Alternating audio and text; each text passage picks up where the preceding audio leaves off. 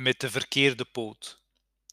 Op een ochtend stapte de bever met de verkeerde poot uit bed, waardoor hij pardoes op de grond viel. Dat maakte hem bijzonder slecht gehumeurd.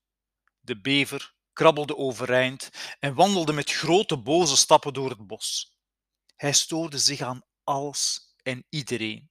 Hij stoorde zich aan de bomen, die daar maar stonden te staan en nauwelijks bewogen. Het leken wel palen met een overdreven grote groene pruik erop.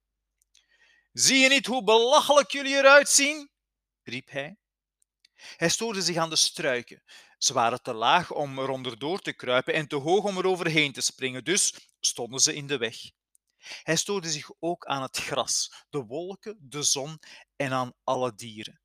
Hij beledigde iedereen die hij tegenkwam. Naar de chameleon riep hij vanuit het niets: Kies nu toch gewoon een kleur. Je stinkt naar rotte appels, gilde hij naar het stinkdier. De olifant kreeg er ook van langs. Ongelooflijk! Jij eet altijd met lange tanden en toch ben je veel te dik. Het is tijd dat je een vlinder wordt, zei hij tegen de vlinderrups, want nu lijk je helemaal nergens naar. Even verderop duwde hij de trage schildpad opzij, omdat die zogezegd in zijn weg liep. Hij zei luid en zonder achterom te kijken: Ha, traagheid! Ach, ze zouden het moeten verbieden.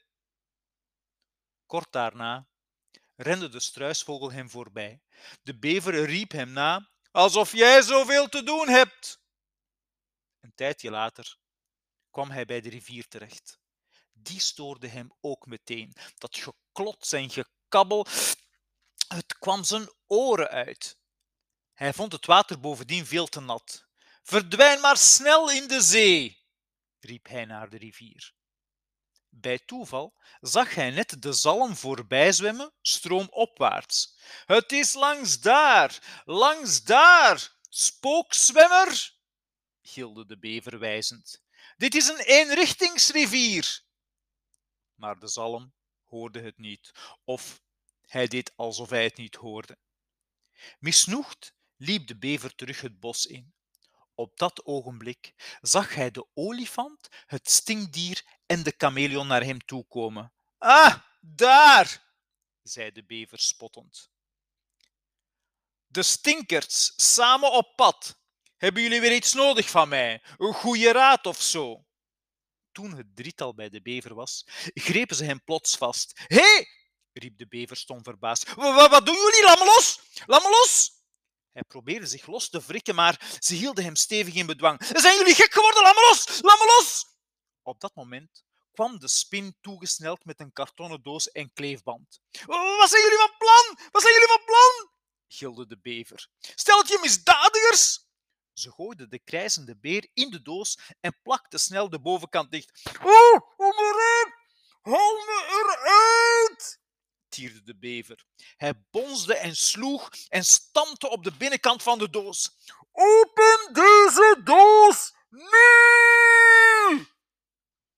De olifant floot drie keer naar elkaar en kort daarna landde de ooievaar naast hem. Zoals afgesproken, zei de olifant tegen de ooievaar. De ooievaar knikte.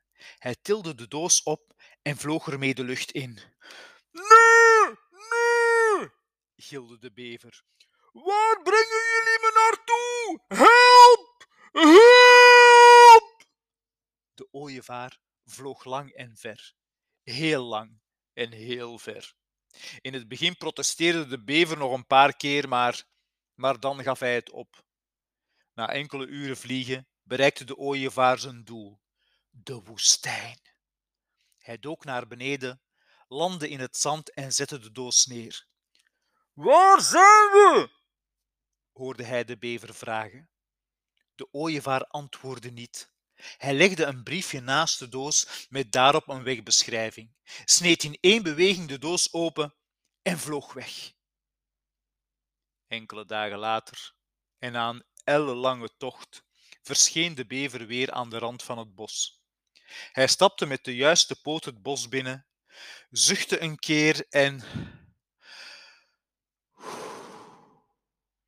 en ging zich dan verontschuldigen bij de chameleon, het stinkdier, de olifant en alle andere dieren die hij op die ene ochtend zomaar, zonder reden, had beledigd. De olifant reageerde vriendelijk. Excuses aanvaard. Zand erover, zei hij. De chameleon sprak. Het is je vergeven. En het stinkdier omhelsde de bever, waarna hij zei: Wij zijn niet meer boos. En sorry van die doos.